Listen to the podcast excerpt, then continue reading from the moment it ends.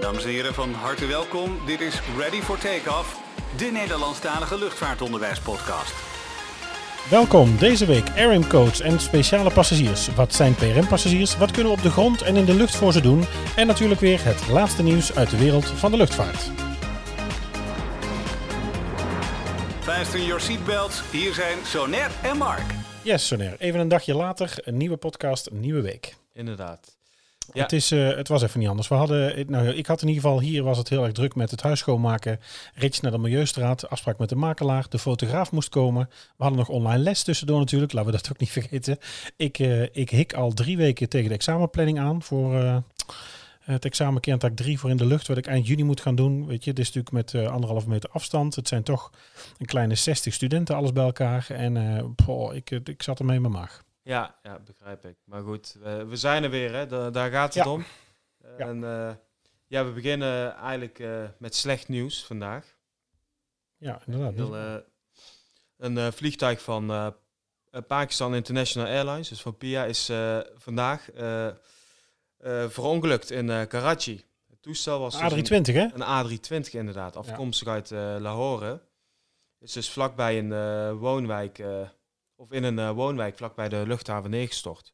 Het is dus nog onbekend of eh, in ieder geval de passagiers en alle acht bemanningsleden die, eh, die zijn dood. En er zijn dus 17 eh, slachtoffers of lichamen van slachtoffers geborgen.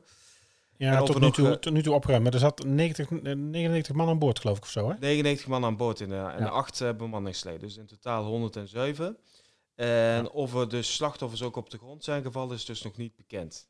Maar goed, ze zijn eh, wel in een, eh, in een woonwijk neergestort. Dus ik, hoop, ik hoop dat er eh, verder geen slachtoffers zijn gevallen. En de vliegers zouden dus voor het ongeluk al een melding hebben gemaakt vanwege technische problemen. En er is dus ook nog een audiofragment die, die je kan horen, dat ze aangeven dat de motor is uitgevallen. En Oh, even later die? hebben ze Oh, dus ook nog een, ja, een eh mede- Heb jij het? eh, staat op luchtvaartnieuws. eh.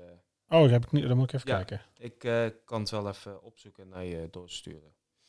Ja, dit, Ah, nou ja, goed. Ik weet niet of het leuk is om te laten horen, maar Je hoort, je hoort hem twee keer roepen. ja. En uiteindelijk geeft hij mede mede aan en daarna hoor je dus niks meer. Oké. En Maar Als, jij, ik wil, als jij nou even het, als jij doorgaat met het nieuwtje en het volgende even pakt, zal ik ondertussen even zoeken. Ja, het toestel is in eh, 2004 eh, afgeleverd aan eh, China Eastern Airlines, dus eh 16 jaar oud. Het is niet eens zo heel oud hè, voor een, eh, voor een A320. Nee. Maar eh, ja, heftig. En eh, in het recente verleden vonden dus meer ongevallen eh, eh, plaats in eh, Pakistan. In 2012 is dus een eh 737-200 van Boja Air eh, neergestort. Er Ja. vielen 121 slachtoffers. En het grootste vliegtuigongeval ooit in Pakistan vond plaats in 2010. Toen een A321 van Air Blue crashte. Hey, ook weer een Airbus. Ja, en toen eh vielen er 152 doden. Hm, Het is al te veel. Ja, Ja, dat is wel veel. en eh, heb je hem gevonden? Ja, ik heb het gevonden. Maar ik probeer nog eventjes de roadcaster aan mijn computer aan te sluiten. Ik heb hier eerder niet over nagedacht om dat te doen. Ik wist ook niet dat het er was. Want zover had ik het nog niet, eh, nog niet gelezen. Maar... Ik kan wel- Nee, ik heb het hier. Ik heb het. Dan, dan, dan. Die. Het is namelijk heel makkelijk. Het moet gewoon lukken. Yes. Discoverable. Houd jij het volgende nieuwtje vast? Doe ik. Eh, Delta Airlines hervat in eh, juni de vluchtuitvoering tussen New York en eh, Schiphol. De Amerikaanse KLM-partner bouwt het aantal overzeese vluchten tijdens de coronacrisis voorzichtig uit. Schiphol eh, werd reeds verbonden met Atlanta en Detroit. New York staat eh, eh, met slechts enkele vluchten per week in dienstregeling. Atlanta en Detroit worden dagelijks vanaf Schiphol aangevlogen. Maar het is ook gek hè, KLM had in de zomer dagelijks twee vluchten naar New Mhm. York. Ja. Ik weet niet hoeveel ze er nu hebben, maar het is in ieder geval een stuk minder. Dat is dan alleen van KLM. Ja, het is Veel natuurlijk... minder aangevlogen, ja. Ja, sowieso. En, en wat we al eerder zeiden, de netwerken gaan toch ook aangepast worden. Ik Ja. begreep wel dat eh Transavia gaat vanaf juni weer vliegen, hè? Ja, daar zijn ze nu eh, aan het voorbereiden. En ik zag al eh, dat ze aan het... Ja, ik vraag me af waarheen. Ja, ze begonnen met Griekenland, Ja, dat is natuurlijk open. Die hebben gezegd dat ze volle bak met toeristen willen beginnen. Ja. Frankrijk sowieso niet, denk ik. Nee. Ja, Frankrijk mag pas vanaf van juli weer, hè, volgens mij. Eh, die willen volgens mij vanaf juli weer eh, externe, ehm, eh, hoe heet dat? Ex- externe toeristen ontvangen. Ja. Nou, ik ben benieuwd. Ik heb het eh, fragment gevonden. Nou, uh,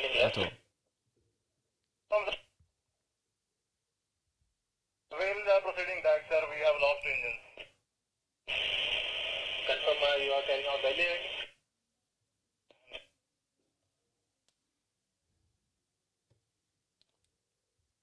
Ja, dan hoor je niks meer. Je hoort eigenlijk een van... Available to land at 25. Oh, let op. Roger. Roger.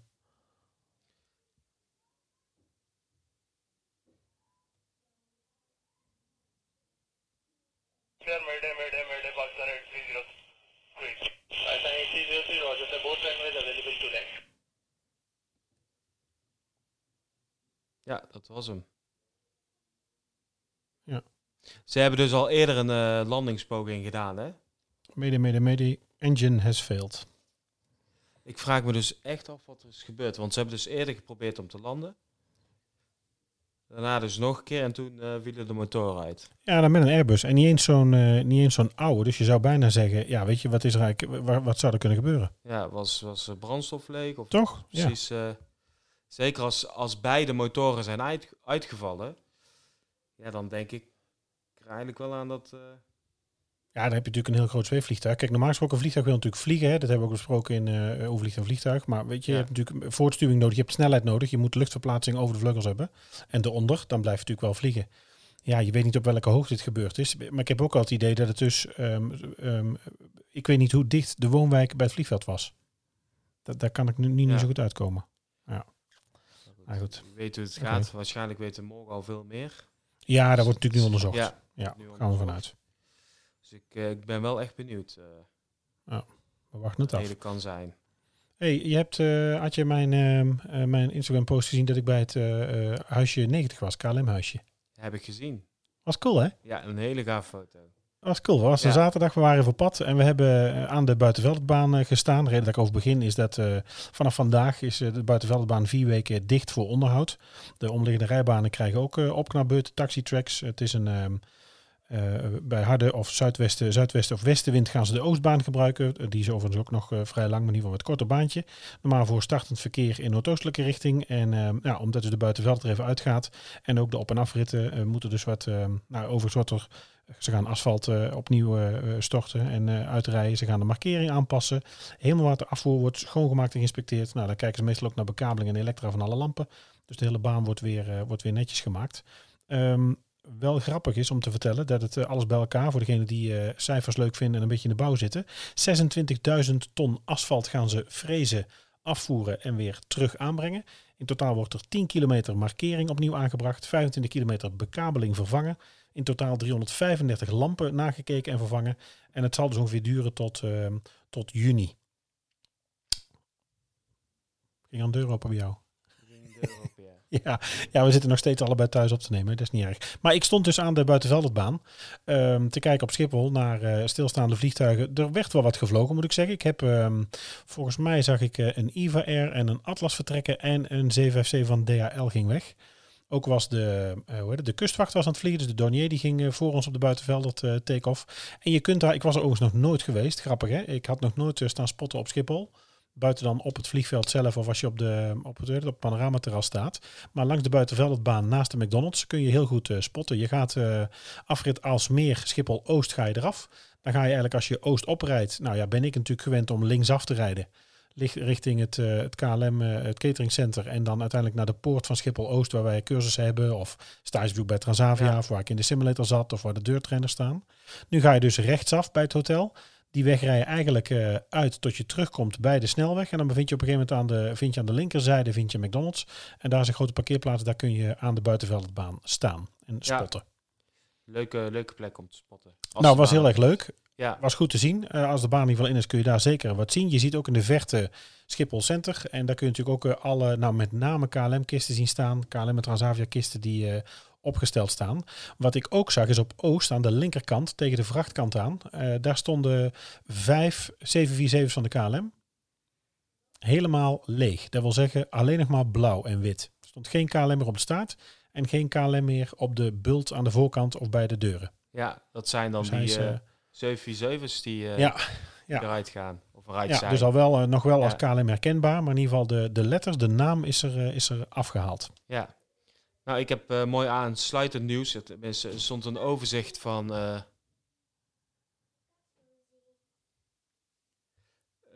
stond een overzicht van, van de maatschappij die nu nog actief zijn op Schiphol. Ja.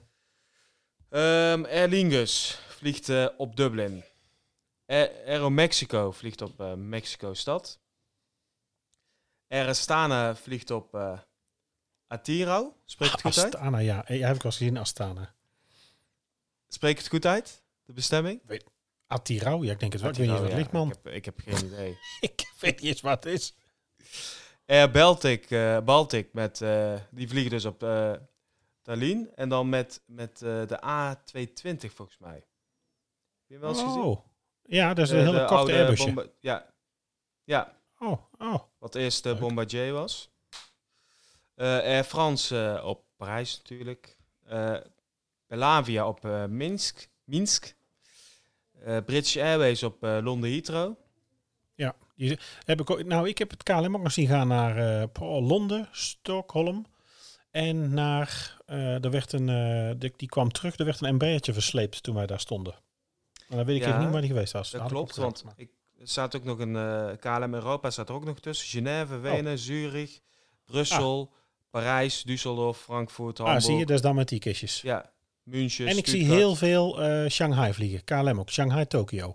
Met Ja. eh, trippels en eh 787's. Ja, de IK-bestemming, oftewel intercontinentaal. Dus, dus Atlanta, Curaçao, Sao Paulo, Hongkong, Seoul, New York, Osaka, eh, LA, Mexico, Tokio, Chicago, eh, Singapore, Toronto, Rio en Bangkok. Vanaf Ja, dat is toch veel, hè? Ja, Ik vind dat dus een hele lijst. Ik heb weinig beweging gezien. Ik heb echt maar drie keer de take-off zien gaan en één zien landen.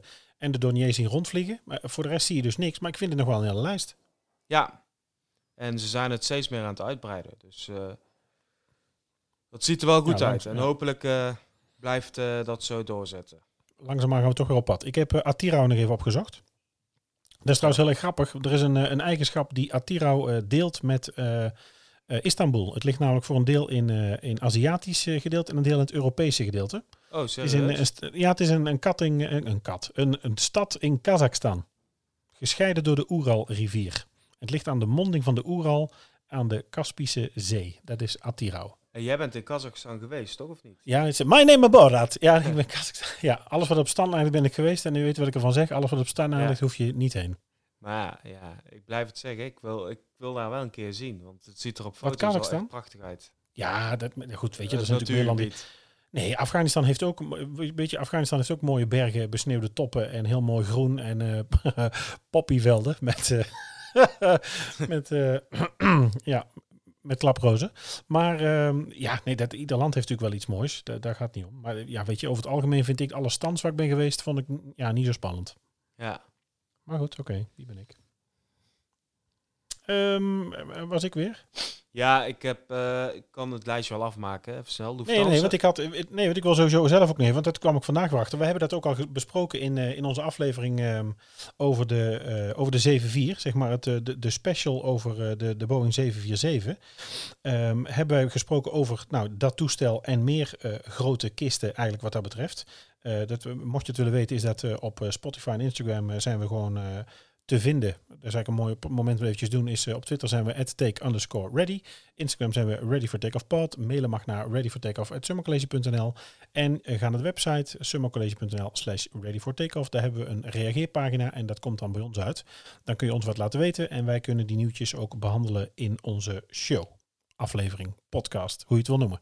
Ehm, ook zeker leuk als je daar onderwerpen wil laten weten. Ook afgelopen week hebben we weer een, eh, leuke ehm, ehm, antwoorden eigenlijk gehad. Ik zal zo meteen er eventjes wat uit voorlezen. Maar ehm, mocht je iets willen weten over de 747, dat is aflevering 25. En daar bespraken wij eigenlijk al eh, hoe het nou toch gaat met al die grote kisten, al die grote vliegtuigen. Toch sowieso die 747's en die A380's. Nou, Air France is nu ook, net als KLM, bezig om eh, Europese intercontinentale vluchten, nou ja, in ieder geval van de afgelopen periode van vijf, rustig op te gaan voeren naar 15% en dan zo langzaam weer naar de oorspronkelijke dienstregeling. Ehm, zij maken gebruik slechts in totaal van 75 vliegtuigen van de totaal 4, 224 die ze hebben. Uh, en ze hebben deze week ook naar buiten gebracht dat ook um, Air France gaat stoppen met uh, de A380's. Ook zij gaan uh, deze grote kisten eruit halen. Daar gaan ze dus mee stoppen met vliegen. Ja. ja, weet je, dat zit natuurlijk aan te komen. De wereld verandert. We gaan natuurlijk anders reizen. Capaciteit verandert. vraag verandert. Ja, en is het dan nog nodig om met dit soort grote vliegtuigen te vliegen? Ja, dat is dus maar de vraag. Ja, ja en dan van 5 naar 15 is nog steeds heel weinig. Ja. Ja, Ja, nee, eh, ja, ja, ja, maar dat is, ja, dat is natuurlijk niks aan te doen. Ja, weet je, dat is natuurlijk. De, de wereld verandert. Er is natuurlijk sowieso nu weinig capaciteit nodig. En de vraag is denk ik ook straks hoe het er straks eh, uit gaat zien. ja, nu niks je het eh, toch over de A380 hebt. Ja, De coronacrisis heeft er dus voor gezorgd dat eh, veel luchthavens ongebruikelijke gasten ontvingen. Eh, voor de luchthaven van eh, Santa, Santo eh, Domingo op de Dominicaanse Republiek betekent het zelfs dat er voor het eerst in de geschiedenis een A380 eh, op het eiland landde. Leuk. Dat is de enige A380 van de Portugese charterspecialist Highfly. Oh, ken ik helemaal niet. Ja, die eh, voerde dus een, eh, afgelopen weekend een eh, vrachtvlucht uit van eh Tianjin naar eh, Santo Domingo.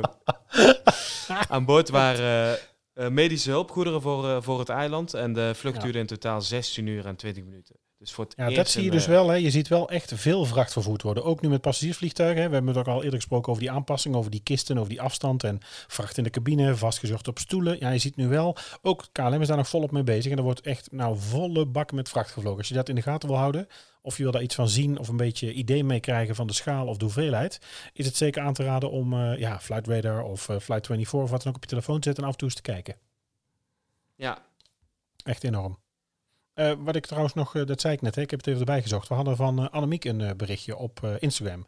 Hey mannen, wat een super toffe podcast maken jullie. Ik vind het echt super interessant. Ik had nog een aantal ideeën die me leuk lijken. Iets over vliegtuigmaaltijden, wie ze maakt, hoe worden ze bewaard of opgewarmd. En wat gebeurt er na de vlucht met die maaltijden, als ze eventueel over zijn. Ehm, en dan wat onze droombestemmingen zijn en waarom dan. En misschien was het wel leuk om eens een keer een interview te doen met een luchtverkeersleider. Nou, ze kijkt in ieder geval uit naar nieuwe afleveringen. Ze wenst nog succes met de opnames. En dankjewel voor de leuke opnames tot nu toe. Nou, dat is nou, lief hè. Annemiek, dankjewel. Ja. Ja. Dankjewel. En we gaan de, op, de onderwerpen gaan we zeker opschrijven. En eh, nou ja, weet je, wij zijn wel zo. Dat komt echt wel een keer terug. Zeker. En bedankt voor, voor de tips in ieder geval. Het is een leuk Had jij nog onderwerp om eh, terug te Ja, laten heel leuk. inderdaad. Ja. Dat is heel leuk. Had, had jij nog een nieuwtje, mijn zoon? Eh, ja, vader. ja, dat moeten we misschien even zeggen. We zijn, eh, ja, weet je, zoals je ook eh, leuke reviews hebt op, op Twitter en op Instagram en leuke reacties krijgt per mail, krijg je ook minder leuke. Nou ja, dat was. Dat kan. Dat is ook prima. En daar kregen we ook nog tips bij. We hadden iets te veel vader-zoon principe. Ik was nogal bedweterig. En jij had een beetje een saaie stem.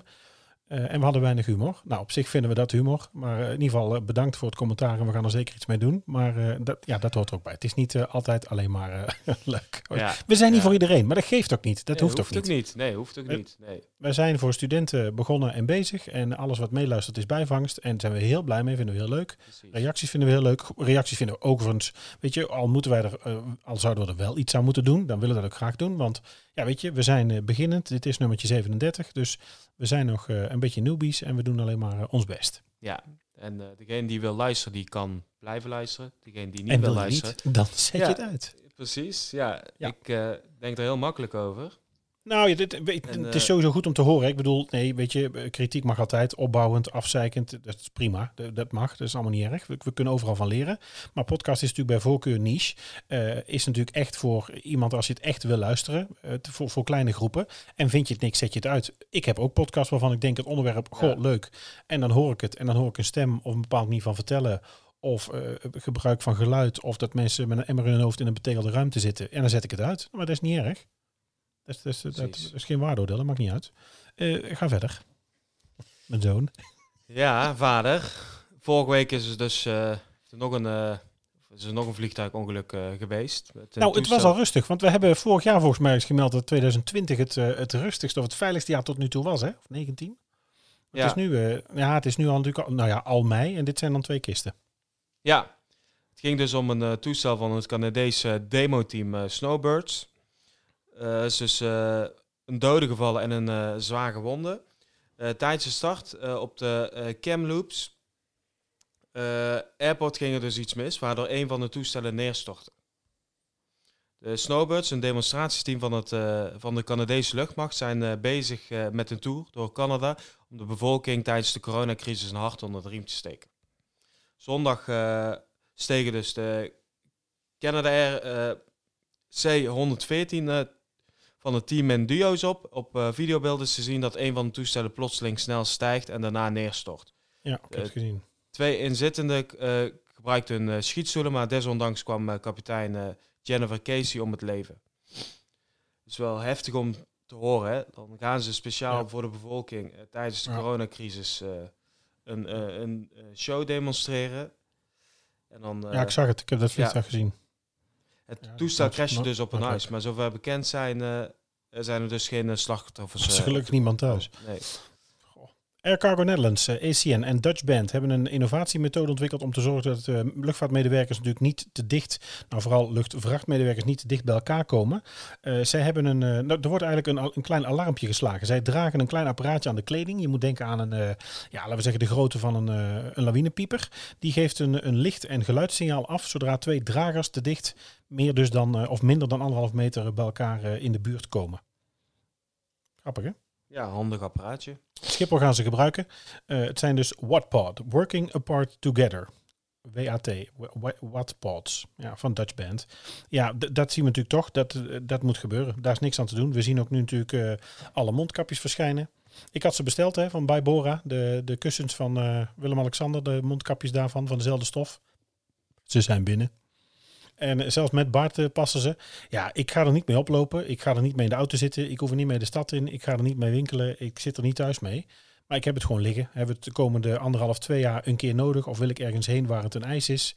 Nou ja, goed, dan neem ik het mee en loop ik in ieder geval eh, er eh, fraai en gezellig bij. Met de hoop dat tegen die tijd eh, alle ellende voorbij is. Maar eh, Ja, het is altijd goed, eh, zeker als je een keer even het openbaar vervoer wil eh, gebruiken. Als je met de trein ergens heen wil, ja, dan moet je Ja, er opzetten. ja. Ja, Ja, het- er gaan een hoop dingen veranderen. Mondkapjes. eh, de pretparken zijn natuurlijk weer open. Dat is natuurlijk, je weet dus ook iets wat ik volg. De Efteling is weer open. Ik zag daar rode en, eh, en witte strepen op de vloer. Ik zag in eh achtbaan als Joort en de Draak met de capaciteit die ze hebben. Volgens mij nu tussen de 7 en de 10.000 man in het park. Nou weet je, je moet weten een drukke dag.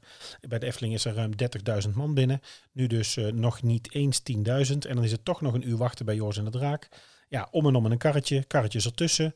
Mensen achter eh, plexiglazen platen, mensen achter plastic zeil, handschoentjes, eh, schoonmaken. Ik zag wel dat toiletcapaciteit nog een probleem was, maar daar zijn ze ook al op ingesprongen. Daar hebben ze ook al meer bij gezet. Ja, weet je, de wereld is toch veranderd. Gaat nog veranderen, is aan het veranderen. En dat geldt dus ja, niet alleen voor de toeristische sector en het gewone reizen, maar toch zeker voor de, voor de luchtvaart. Ik zag trouwens ook dat Emirates gaat extra personeel meesturen. Zij gaan eh, cabin service attendants meesturen. Eh, bij iedere vlucht langer dan anderhalf uur. En zij zorgen ervoor dat iedere drie kwartier de toilet ge- gereinigd wordt, extra schoongemaakt wordt. Oh. Ja. Ja. Dus Ja, ze is eigenlijk eh, wel slim om ze nu te, daarvoor te gebruiken. Want ze hebben nu ja, genoeg eh, personeel thuis zitten. Ja. Ja. Ja. Ja, dan Ja, maar aan de gang houden op deze manier. Nou ja, het is een mooi idee om toch te kunnen vliegen of toch wat te kunnen doen. Ja, Dus waar Dus- de ene kiest voor eh, één CA min, kiezen ze bij Emmers dus voor om eh, voor schoonmaken en veiligheidsredenen om dus eh, één CA plus mee te sturen. ja, ja, verstandig. Eh, nog wat nieuws was er ook nog rondom, ik weet niet of je het gezien hebt, rondom alle Airbus eh, orders eigenlijk. EasyJet, hè, Stelios, had, was de strijd aangegaan met, met Airbus om die... ja, die is dus, eh, eigenlijk heeft hij dus verloren. Hij moet het dus toch eh, af gaan nemen. En ook eh, de Duitse regering heeft Lufthansa opgedragen dat zij toch alle Airbussen moeten gaan afnemen die ze tot nu toe besteld hadden. Hè, wat je natuurlijk nu ziet is dat, ehm, dat veel maatschappijen een, een bestelling afzeggen. Of in ieder geval zeggen dat ze minder vliegtuigen nodig hebben natuurlijk vanwege de coronacrisis. Maar er zijn toch bedrijven die zich dus door staatssteun of onder druk van, van de overheid, eh, nou ja, bemoeienis daarvan, toch kisten moeten, moeten afnemen. Ja, Ja, het is natuurlijk voor Airbus wel het beste, dat snap ik. Maar ja, goed, oké. Eh, Lauda is ook gestopt, hè? 29 mei. Lauda Motion stopt op 29 mei haar basis op de luchthaven van Wenen. Dat eh, besluit is genomen nadat de vakbond, eh, vakbond Vida niet akkoord ging met de salarisverlaging van het personeel van het Oostenrijkse dochterbedrijf van Ryanair. Wenen is dus de thuisbasis van Lauda Motion. En daar gaan zij dus stoppen, dicht. Ja, Wist jij dat het een, een, een dochter was van, eh van ja Ryanair? dat wist ik. Want zij, eh, zij vloog ook op eh, Eindhoven. Ik weet niet of ze dat nog steeds doen. Maar, ja, daar heb ik ze gezien, dat klopt. ja. Maar dat, is, dat was pas recent, hè? Ja, met, met A320's. Ja. Ze hebben, Ja. ze hebben ook heel veel toestellen van, van Air Berlin destijds overgenomen. Oh ja. En van, eh van Nicky. Ja, ja dat is natuurlijk ook Lauda. Ja, Ja, Nicky Lauda was natuurlijk Ja. de, de F1-coureur. ja, Ja, weet je, zo, je ziet toch dat dit soort kleinere maatschappijen, ja, die hebben het toch het zwaarst nu. En dat gaat dus ook het eerst, dat stopt ook het eerst. ja, Ja, dus nee, triest. Ehm, ik denk dat tijd voor het hoofdonderwerp. ja. Nou, Ben je dat met me eens? Ja, we willen het hebben en dat was ook eh, de intro. En met name ook eh, natuurlijk ook eh, voor, voor onze studenten. Wij zijn natuurlijk altijd bezig op het vliegveld, daar rondomheen. Onze school bevindt zich op het vliegveld. Nog steeds trouwens, en dat blijft het ook. Wij zitten nu in de terminal zo'n beetje boven de vertrekhal. We gaan volgend schooljaar verhuizen. Dan zitten wij in de nieuwbouw aan de boulevard van Eindhoven Airport. Het nieuwe P1-gebouw daar links onderin, naast de McDonald's. Daar komen wij te, te zitten. We hebben een mock-up gekocht. We zijn bezig met inrichting van de lokalen. En eh, nou ja, we zitten dus nog steeds echt daar waar het gebeurt op dat vliegveld. Studenten van ons lopen daar natuurlijk stage.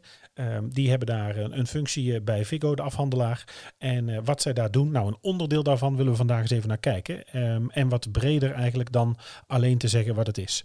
Veilig vervoer is natuurlijk voor iedereen een behoefte. En wordt misschien wel, nou niet misschien, dat wordt steeds groter. Een basisbehoefte voor passagiers op een, op een luchthaven en om dus te gaan vliegen.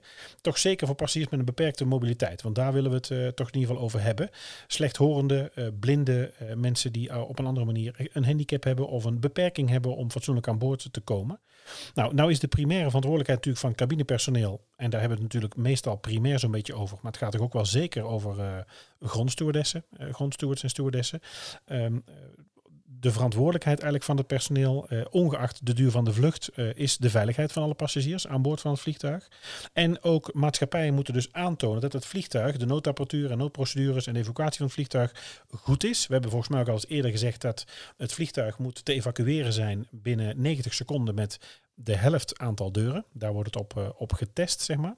Maar er moeten ook eh, eisen eh, staan, op papier staan en er moeten procedures vastgelegd zijn om PRM-passagiers van boord te halen. Nou, wat zijn nou PRM-passagiers? Dat zijn Passengers Reduced Mobility. Ik kom zo meteen nog op een andere vertaling, maar dat maakt niet uit. Die heb ik ook nog. Ehm, eh, passagiers met een gereduceerde eigenlijk mobiliteit.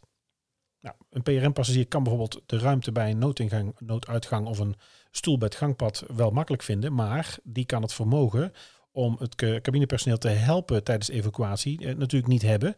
Dus dat maakt het heel erg lastig. In ieder geval daarvoor moet je altijd kijken waar je passagiers neerzet. En daarvoor moet je dus eh, procedures opstellen. Nou, we gaan daar wel eens even naar kijken. We zoomen daar zo meteen verder op in. Ook willen we kijken naar een aantal afkortingen die gebruikt worden daarvoor. Want in de luchtvaart weten wij dus eh, van tevoren eigenlijk wat voor passagiers er met ons reizen. Want we gebruiken daar vier lettercodes voor. Afkortingen. Afkoos.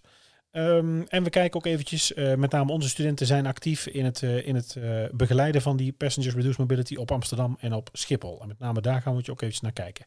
Nou, Ja. de andere, wat ik meteen wou zeggen, die Passengers Reduced Mobility, PRM. wat je ook kunt gebruiken, of wat je wereldwijd ook wel eens tegenkomt, is Passengers with Restricted Mobility.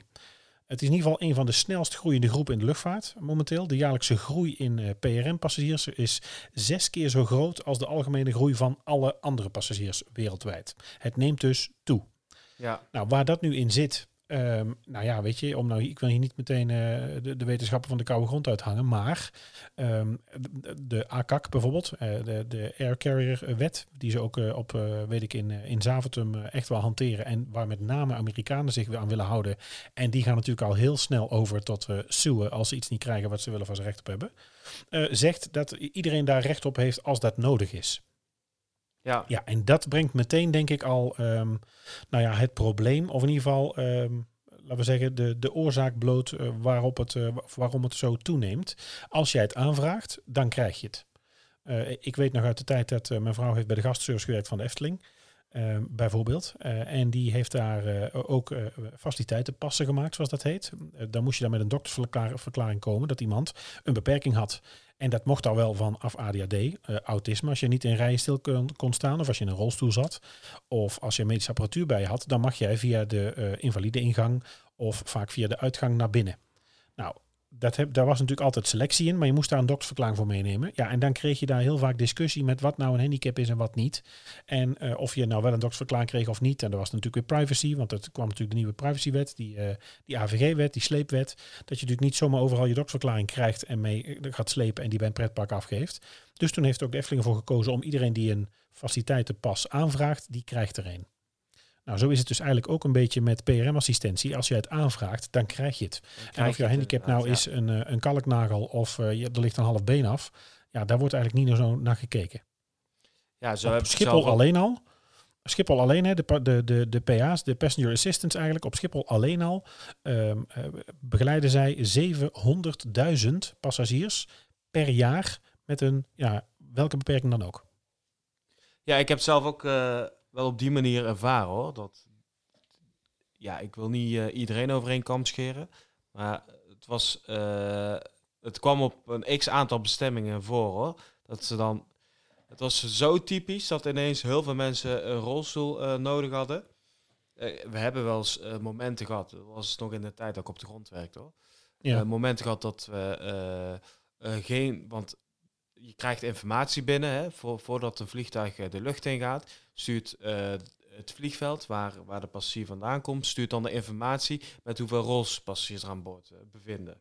Ja, en we gaan zo meteen overigens nog even uitleggen wat voor rolstoelpassagiers en hoe je Precies. dat doorkrijgt, hoe dat uitziet. Hè? Precies. En uh, daarvoor ga je dus je voorbereidingen treffen. Dus als je ervan uitgaat dat je vijf rolstoelpassagiers binnenkrijgt en uh, ineens tien last minute worden aangevraagd, ja, dan heb je een probleem, want je hebt er maar vijf klaarstaan. Ja. dus dan gaan passagiers, die proberen het, ze zien daar rolstoelen staan. En die proberen dan één mee te nemen, ondanks dat ze het zelf niet hebben aangevraagd. ja. Ja, weet je dan, in, die, in dat geval is het belangrijk om natuurlijk goed te communiceren, om te controleren of het echt om die passagier gaat die hem heeft aangevraagd. Ja, maar, ja, maar normaal gesproken haal je natuurlijk iemand op. Hè? Ik bedoel, uh, het, is niet zo dat je met een rolstoel zomaar, kunt, ja, zomaar aankomt en zegt van nou ik wil assistentie en we gaan iedereen helpen. Je, je, en dan denk ik de mensen die dus echt wel weten dat ze een bepaalde beperking hebben of al lang in een rolstoel zitten, die weten dus ook dat ze dat moeten aanvragen. Want ja, die reizen al langer vaak zo. Maar je begeleidt natuurlijk passagiers echt op het hele terrein. Hè. Dat is in principe op Schiphol ook de bedoeling, het luchthaventerrein. Eigenlijk om te zorgen dat mensen naar het vliegtuig toe kunnen. En dan wordt het vaak weer vanuit um, de uitgang van de terminal, zo is het in ieder geval op Eindhoven, ook weer naar het vliegtuig toe. En ook uit het vliegtuig weer naar de terminaldeur. En dan binnen wordt je ook weer opgevangen en ook weggebracht. Maar je moet natuurlijk met een passagierslijst en een aanvraag checken of je de juiste passagier ophaalt en welke beperking die heeft. En dat wordt dus aangevraagd. En je haalt mensen op bij dat meeting point of bij die bij het punt waar je de assistentie zeg maar, uh, hebt gekregen ja. of gaat krijgen. En vaak staan die codes zelfs, er zitten codes aan verbonden, ik gaan we het straks erover hebben, ja. uh, op de boardingpas. Dus het is heel makkelijk te controleren. Of door middel van een lijst inderdaad, die je dan van de purser krijgt bij aankomst, of de boardingpas. Maar goed, als je dan een discussie aangaat met zo'n passie, uiteindelijk gaat die passie toch lopen. Ja. Dan denk ik van, ja, hoe hard heb je die rolstoel nodig? Ja. Weet je, als je dan toch makkelijk kunt lopen. Kijk, ik kan niet in zo iemand uh, gaan kijken. Ik kan niet in een persoon gaan kijken. Nee, en je weet ook niet hoe ver. Hè? Kijk, lopen eh, ligt ook een beetje aan de afstand hoe, wat ja. je kunt afleggen. Zo'n vliegveld is natuurlijk heel groot. Als je natuurlijk slecht ter been bent en je moet, uh, ga even uit, van, um, uit de auto stappen. Nou, eigenlijk al afgezet worden bij de terminal. Nou, dichtst bij wat je dan kunt komen is natuurlijk bijvoorbeeld op Schiphol, als we daar even vanuit gaan. Is uh, bij die grote reclameborden uh, zo'n beetje bij het station. Hè? In ieder geval ook waar het station boven komt. Of ja. waar je uit de parkeergarage komt. Ja, moet je dan naar terminal uh, 1. En moet jij dan nog eens uh, naar, naar een A of een B-pier en dan toevallig achteraan. Ja, dat zijn natuurlijk enorme afstanden. Maar wat me dus is opgevallen is, dus mensen die echt slechte been zijn, dat die het juist proberen om te lopen. Ja, ja, en niet ja. zomaar een rolstoel te pakken. Nee, vooral de acteurs zie jij, om, die, die doen ja. het moeilijkst. Ja, serieus. Dan zie ik ze echt, echt mensen die, te, die echt slechte been zijn, echt moeite doen om uh, te lopen. Dat ze, ja. Volgens mij zijn ze überhaupt al blij dat ze een beetje kunnen lopen. Dus daar willen ze dan ook echt gebruik van maken. Dat zie je ook echt aan die mensen. Ja, die dus graag zouden willen, zeg ja, maar. precies. Dat is wel uh, hoe ik het heb ervaren. En hoe heb jij het, eh, want dat wist ik dus niet, maar ik ben, dat hebben we dus even nagezocht. Maar weet jij wat ze dus met je, eh, wij leren dat studenten natuurlijk ook, maar weet jij wat zij met je moeten of mogen doen? Of tot waar ze met je gaan? Wist je dat? Ehm, ja, op Eindhoven weet ik dat ze tot, eh, tot de parkeerplaats meelopen. Maar ik wist niet dat zij ook naar, eh, naar het perron op Schiphol bijvoorbeeld. Hè? Dat ze, Nee, nou, sterker nog, eh, de business lounge, horecagelegenheid, winkelen, als er tijd voor is en je geeft dat op tijd aan, zijn zij in ieder geval bereid of hebben zij afgesproken, op papier staan, dat zij met jou op verzoek nog bij een horecagelegenheid afzetten of bij een winkel of in de business class lounge brengen. ja, ja zo, Best heb wel ver, vond zo, ik. zo heb ik het niet op Eindhoven gezien. Maar Nee. Ja, blijkbaar kan dat eh, op Schiphol. Ja, nou is natuurlijk, Schiphol is natuurlijk sowieso veel groter. Wij zien Ja. natuurlijk ook niet, en onze studenten die eh, stage lopen in Brussel op Zaventem, die, eh, die rijden ook met zo'n met zo'n caddy, met zo'n karretje. Dat hebben we natuurlijk ook, ook niet op Eindhoven. Nee. Daar zijn natuurlijk de afstanden wat kleiner. Je haalt mensen op, op Eindhoven bij het meeting point. Dat is achter het koffietentje in de vertrekhal. Dan ga je met ze door de pre-scan. Vervolgens kom je natuurlijk bij, hoe heet het, bij de, door de winkel. En dan kun je ze bij de gate natuurlijk neerzetten. En dan worden ze daar weer opgehaald door iemand die buiten staat. Ja, want we moeten wel even kijken, we moeten wel duidelijk onderscheid maken. De PRM-begeleiding gebeurt dus in het luchthavengebouw en ook op het platform. Je moet dus zo zien, als je dus eh, eh, op het, in het luchthavengebouw zit je dus eh, bij het meeting point. Daar word je opgehaald door een, een grondsteward of stewardess die de PRM-begeleiding doet. Of een personal assistant of een PRM-begeleider of een, ja, maakt niet uit hoe het noemt. En die neemt jou mee tot aan de gate. Eh, vanaf de gate word je meegenomen, in ieder geval op Eindhoven, eh, door iemand die ditzelfde werk doet, maar dan buiten. Dus met veiligheidsschoenen, een geel hesje en ook weer eh, PRM-begeleiding doet. En dan kom je weer eventueel nou ja, in het vliegtuig getild of met een, een sideboel of een, wat dan ook aan boord. maar die procedure is dus aangepast. Ja. Want onze studenten, die Mhm. dus dit jaar stage lopen, die, die mogen van, van buiten, of die doen de, de gehele begeleiding. Dus vanaf het moment dat de passagier wordt opgehaald, Ja. tot het moment dat ze aan boord worden gebracht. Dus eh, ze doen het binnen en buiten. Ja, geen onderscheid meer in, eh, in clean of eh, dirty areas. Nee, maar het- wat is daar het nadeel van? Dat je dus weer door de security, security controle moet. Dus elke keer Ja. als je een passagier ophaalt of wegbrengt, moet je dus weer door de security controle. Ook zelf dus, portofoon weg, pasje Ja. af, sleutels eruit, telefoon in een bak. Maar goed, je wordt wel, ik denk dat het voor de passagier ook wel pret- prettiger is, dat je gewoon door één persoon wordt begeleid. Zeker, Ja. dat lijkt mij wel. Kijk, en als je natuurlijk, eh, eh, omdat je bij ons natuurlijk op, eh, nou bij ons, pff, bij ons op Eindhoven natuurlijk het verschil hebt met binnen en buiten, met naar het vliegtuig toe, eh, is dit natuurlijk logischer. Op, op Schiphol of op Zaventem, ja, daar loop je met iemand naar een gate, daar is een aviobrug aangesloten en daar neem je afscheid van iemand. Hè, Dan Ja. is het, eh, daar hoef je niet nog over het terrein of naar het vliegtuig toe, dan ben je er al. Eh, hoe vraag je het aan? Kun je er iets over vertellen? Ja, dit geef je dus eh, meteen eh, bij je boeking aan. Het moet minimaal eh 48 uur, 48 uur van tevoren gebeuren. Online dus, hè, kan dat al, hè? Ja, online. Dat kan al als Ja. je bij Transavia, bij wijze van bij Transavia een ticket boekt. Dan kun Ja. je dus aangeven of je assistentie, eh, medische assistentie nodig hebt. Mhm. Het kan ook last minute, maar dan heb je geen zekerheid dat je geholpen kan worden. Uiteindelijk zal je wel geholpen worden, maar hoe lang het dan gaat duren, dat is dan nog de vraag. Dus Ja, je hebt daar geen gereserveerde tijd, zeg maar. Je hebt daar Nee. geen afspraak. Inderdaad. Ja. Dus het is altijd eh, verstandig om dat dus minimaal 48 uur van tevoren eh, door te geven. Ja.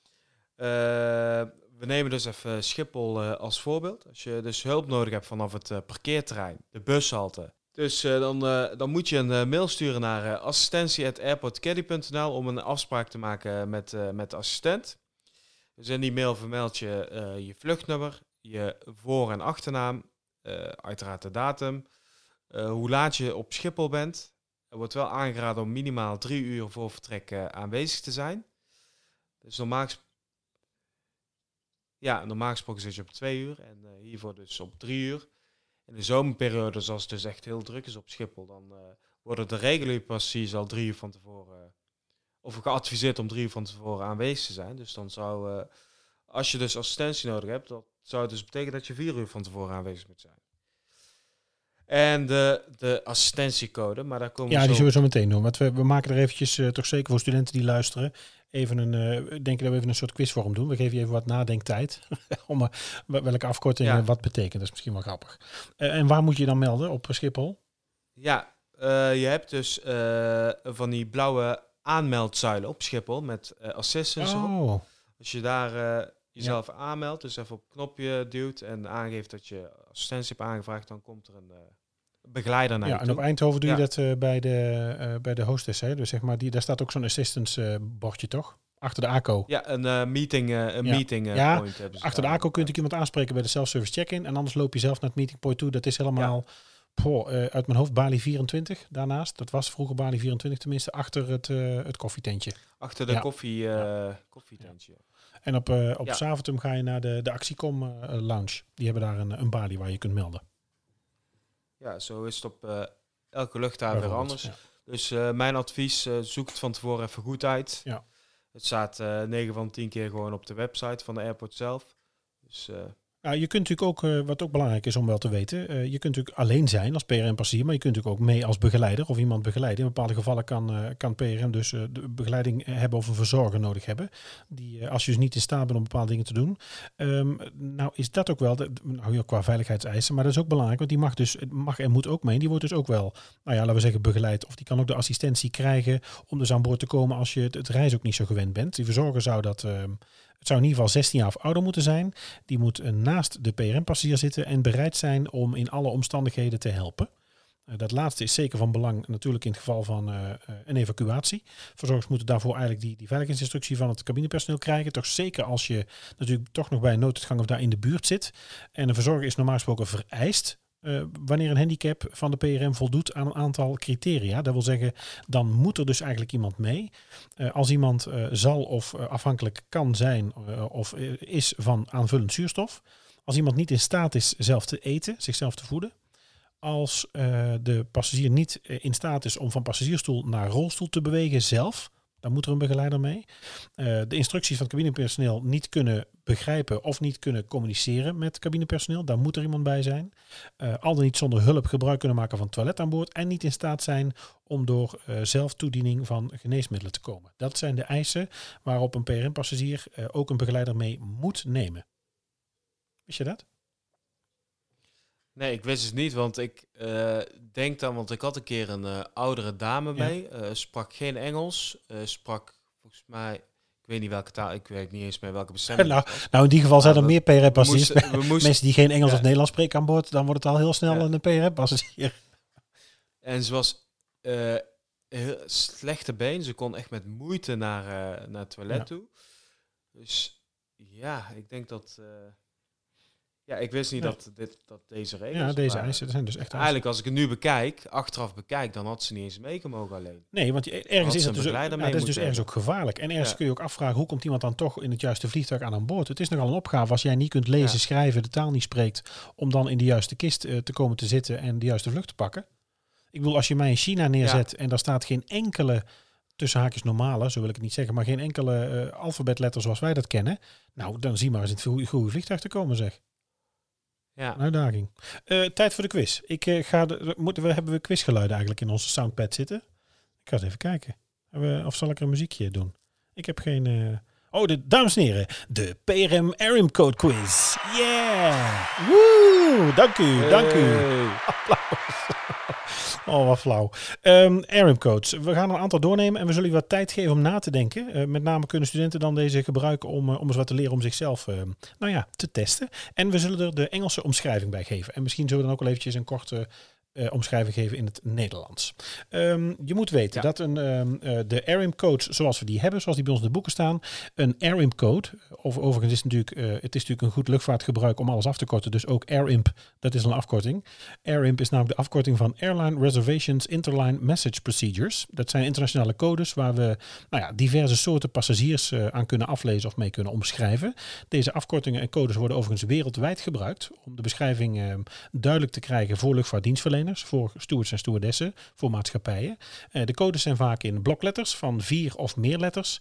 En dan zijn er ook nog speciale maaltijden of, ehm, ehm, nou ja, met name dus de speciale situatie waar passagiers zich, eh, zich in bevinden. De, de, de code eigenlijk staat achter de naam van een passagier en wordt dus door de editor 24 uur van tevoren op een, eh, een passagierslijst, een PAX-list of een PAX-manifest of een passagiersmanifest of wat dan ook, wordt dat toegevoegd. Dus daar kun je het altijd vinden en zien. Nou, zoals het dan hoort, moeten wij eh, de vierlettercode spellen. Dus de eerste zou zijn Whiskey Charlie Hotel Romeo. Oftewel, zoals we dat noemen, een WCHR. Korte nadenktijd. Een wheelchair assistance is required for the passenger can walk short distances up or down the stairs. WCHR. Een WCHR is dus eigenlijk een eh, wheelchair en dan de R staat voor ramp. Ramp, ja. Ja. En op Eindhoven wordt er wel, eh, wordt ook wel wheelchair eh, Romeo Ja, genoemd. Romeo is natuurlijk de R van eh, Maar het is, eh, de officiële betekenis is eh, wheelchair, wheelchair ramp. Dan hebben we de WCHS, Whiskey Charlie Hotel Sierra. Maar we zouden ook even de Nederlandse Oh, sorry. Neem me kwalijk. Ja, van wheelchair ramp. Het zijn dus passagiers die een rolstoel nodig hebben. korte afstanden kunnen Ja, lopen. Pas hier kan dus lopen, alleen trap, nee, eh, geen grote afstanden. Ja. Geen grote, geen lange afstanden. En passagier kan dus ook trap ja, lopen. Schiphol kiest er vaak voor om deze Ja. mensen met een, eh, met een minicar of een caddy te vervoeren. Ja. Oké, door naar de Wheelchair Sierra. WCHS. Whiskey Sierra Wheelchair Romeo. step. WCHS, nou denk even na. Deze passagier wordt doorgaans met een rolstoel opgehaald, kan geen trappen lopen en de S staat voor stairs. Een WCHS. Dan hebben we ook nog de WCHC. De WCHC, even nadenktijd. Wheelchair Charlie. Charlie. Wheelchair carry on. Ja, carry, carry on, off. carry off. Kan niet lopen, wordt per rolstoel verplaatst en vanaf eh, eh, de vliegtuigdeur aan boord gebracht. En eh, vaak hebben ze ook van die rolstoelen aan De boord. WCOB, oftewel Whiskey Charlie Oscar Bravo, de WCOB. Een onboard wheelchair is requested for use during flight. Die bedoel jij. Deze, deze, deze Nee, ken- gebruiken wij niet veel. Hè? Dan hebben we ook nog de WCMP, Passengers Traveling with a Manual Wheelchair. Geen elektrische. Nou, dan heb je ook nog onderscheid in de, in de, eh, hoe heet het, in de battery powered en de wet cell. Dat is vooral belangrijk, want die moeten eruit aan boord, want daar kan brand eh, mee ontstaan. Dus dat zijn gevaarlijke accu's, maar daar gaan we je nu niet mee vermoeien. Eh, een misschien wat makkelijkere, ook voor degenen die hier nog niet bekend mee zijn, een ARIM code van een, en dat zal ik even spellen, misschien dat je het dan weet, maak het wat moeilijker, is misschien wel leuk zo'n R. Bravo, Lima, November, Delta. Is een blind passenger. Passenger is blind or has reduced vision. Eigenlijk heel makkelijk. Het is gewoon BLND, blind, eigenlijk zonder de I. Eh, aansluitend, Zonder de ja, I, ja. aansluitend hebben we de Delta Echo Alpha Foxtrot. Deze passagier is doof Of slecht. of slechthorend. Ja. Dan hebben we nog de DPNA, Delta Papa November Alpha. Weet jij die? Eh, ja. Dat zijn dus eh, passagiers die eh, assistentie nodig hebben. Bijvoorbeeld al- Alzheimer-passagiers, eh passagier met autisme, met, met Ja, Down-syndroom. de afkorting staat officieel voor Disabled Passenger with Intellectual or Developmental Disability. Needed Assistance. Eh, dan hebben we nog eh, een ESAN. Deze ken ik echt niet. Echo Sierra Alpha November. Deze kende ik dus wel. Echt? Ja, Ik zou het eigenlijk moeten. Want ik als heb, ik het nu lees, eh, zou ik het moeten weten. Maar goed. zeker op de Amerikaanse vluchten. Echt? Overigens, een passenger Ook traveling wordt- with an emotional support animal. Ja, of een emo- emotional support dog heb je heel Ja. vaak aan boord dus. Honden die meegaan. Passagiers die het dus emotioneel eh, nodig hebben. En daar wordt ook dus over gezegd dat, eh, veel, dat, dat ze daar ook misbruik van maken. Omdat ze dus die hond niet in, eh, in het luchtruim of in het vrachtruim... oh, die mag dan aan boord. vervoeren. de- als pet C Ja, heet dat dan. dan- pet C dan mag die mee, hond- maar die moet dan ja. eigenlijk in zo'n kooitje mee. Die mag die eigenlijk niet uit.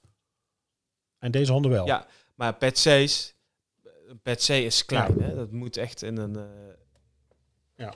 In een eh, kleine bench Ja. passen. Maar goed, als je een grotere hond mee hebt, ja, dat past niet in de cabine. Dus wat doen ze dan? Ja, dan eh, laten ze dus een rapportje opstellen Ah. dat ze het eh, emotioneel nodig hebben, psychisch uh, bla. Dat ze daarom die hond per se mee in de cabine moeten Hmm. hebben. Zullen vast wel passagiers tussen de, ik weet zeker Echt dat nodig hebben. die het echt Ja, nodig hebben, het grotendeel het echt nodig heeft. Maar er zijn ook mensen, er zitten ook passagiers tussen die daar misbruik van maken. Eh, dan Ja. kom ik er langs. Eh, EXST. Deze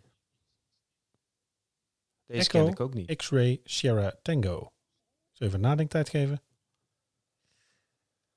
Passenger requires an extra seat due to body Ja, size. Corpulente personen.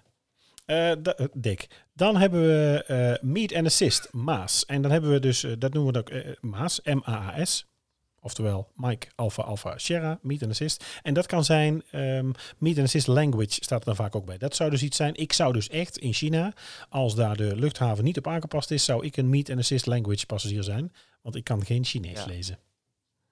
Nee. Bijvoorbeeld. Dan hebben we nog een aantal eh, eh, medische ook wel echt te noemen. Medical case. Dus als iemand echt een, eh, bijvoorbeeld zuurstof nodig heeft, required oxygen, dan staat er vaak MEDA, medische apparatuur, of OXIG achter.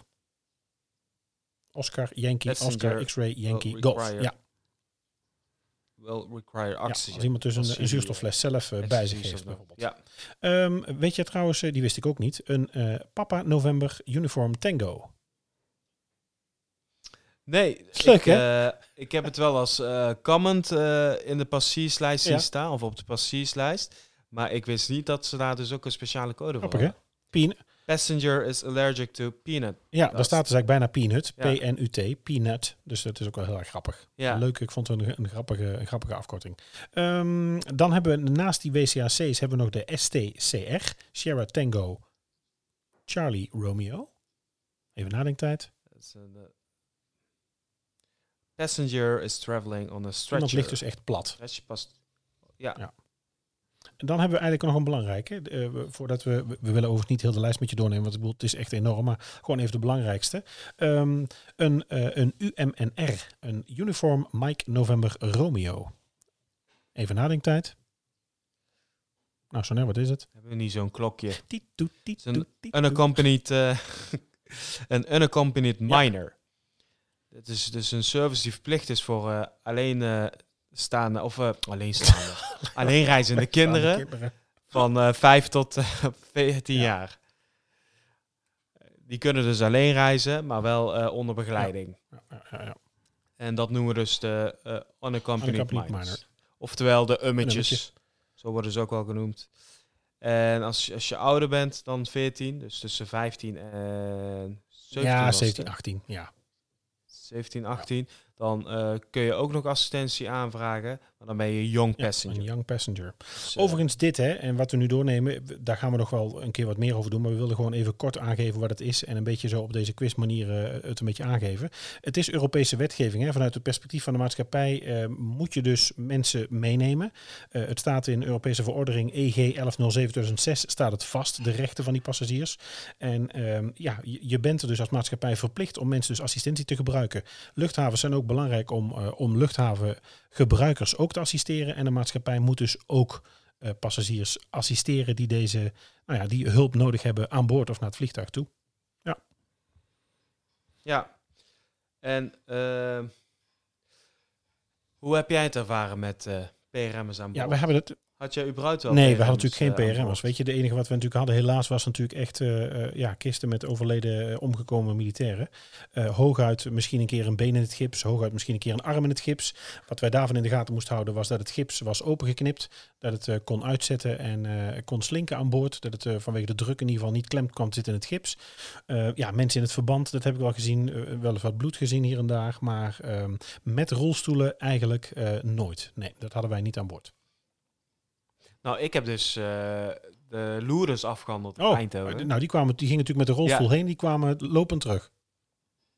Eh, Niet ja, allemaal. Ja, nee. Niet allemaal. Maar, Maar dat is een werk. Ja, want normaal gesproken ben je ongeveer eh, 40 à 45 minuten bezig met een gemiddelde turnaround hè, van een vliegtuig. Eh, nou, met de Lourdes vluchten was ik zeker eh 2 à 2,5 uur Ja, als daar dus mensen in en uit Normaal gesproken heb je gemiddeld twee rolstoel, rolstoelpassagiers op een Ja. vlucht. En dan iets meer. Eh, maar, op die, op- maar op een Lourdes had ik er gemiddeld 50, denk ik. Ik denk 30 eh, wheelchair ramps, dus eh WCAR's. Passagiers die dus trap kunnen lopen. Korte, maar geen lange afstanden kunnen lopen. En ongeveer 20 eh, wheelchair stairs of steps. Goh. Die dus geen trap kunnen lopen, maar wel een lift En een hoop begeleiders natuurlijk. Ja, en een hoop begeleiders inderdaad. En een stuk of, een stuk of, of ja, tien passagiers die, eh, die dus ook nog een stilhulp aan boord nodig hebben. Schiet me nou te binnen trouwens, Ja. nu we dit nu eigenlijk zitten bespreken. Is het leuk om, eh, want we zitten nu alweer bijna op een uurtje. Wij, wij, wij beloven altijd eh, onder een uur te blijven. We hebben nu zo'n kleine vijf, vijf minuten hebben we gesproken over PRM-passagiers, ARM coach en speciale assistentie. Maar misschien is het ook leuk om die ervaring nog eens even, zo'n vlucht nog eens even los te bespreken. Dat is misschien ook wel een goed idee. Ja, Vind, vind jij dat wel? dat is ook leuk. En ook een keer over eh, om een eh, podcastopname te doen over eh, de speciale Ja, dat maaltijden. is goed. Dat gaan we doen. En dan iemand van misschien van Egem Ja, wie weet. Of misschien bij KLM, bij de catering service. Lijkt me ook wel leuk. Of, ja, Ah, dat is leuk. dus eh, mocht er iemand van catering service luisteren, Oké. Laat ons weten. Ja, laat ons zeker wat weten. Nou ja. PRM-passagiers, RM Coach, speciale assistentie. Eh, als je het eh, gebruikt dan, eh, en weet wat het is, hebben we een klein beetje een quizje gedaan. Ehm, nou ja, naslagwerk wil ik niet noemen, maar dan heb je nog eens wat, hoor, wat gehoord. Eh, als je er nog niks van wist, dan, dan heb je wat bijgeleerd. Overigens, wat laten weten. Heb je ideeën? Wil je ons wat laten weten? Dat kan via de socials. readyfortakeoff.summercollege.nl uh, Mag je mailen. Ready for Takeoff Pod zijn we op Instagram. En op Twitter zijn we ready for takeoff. At take underscore ready. Zo neer, tot volgende week. Volgende week. Dit was Ready for Takeoff. Denk aan je persoonlijke bezittingen, volg ons op onze socials, vergeet je niet te abonneren en tot de volgende keer.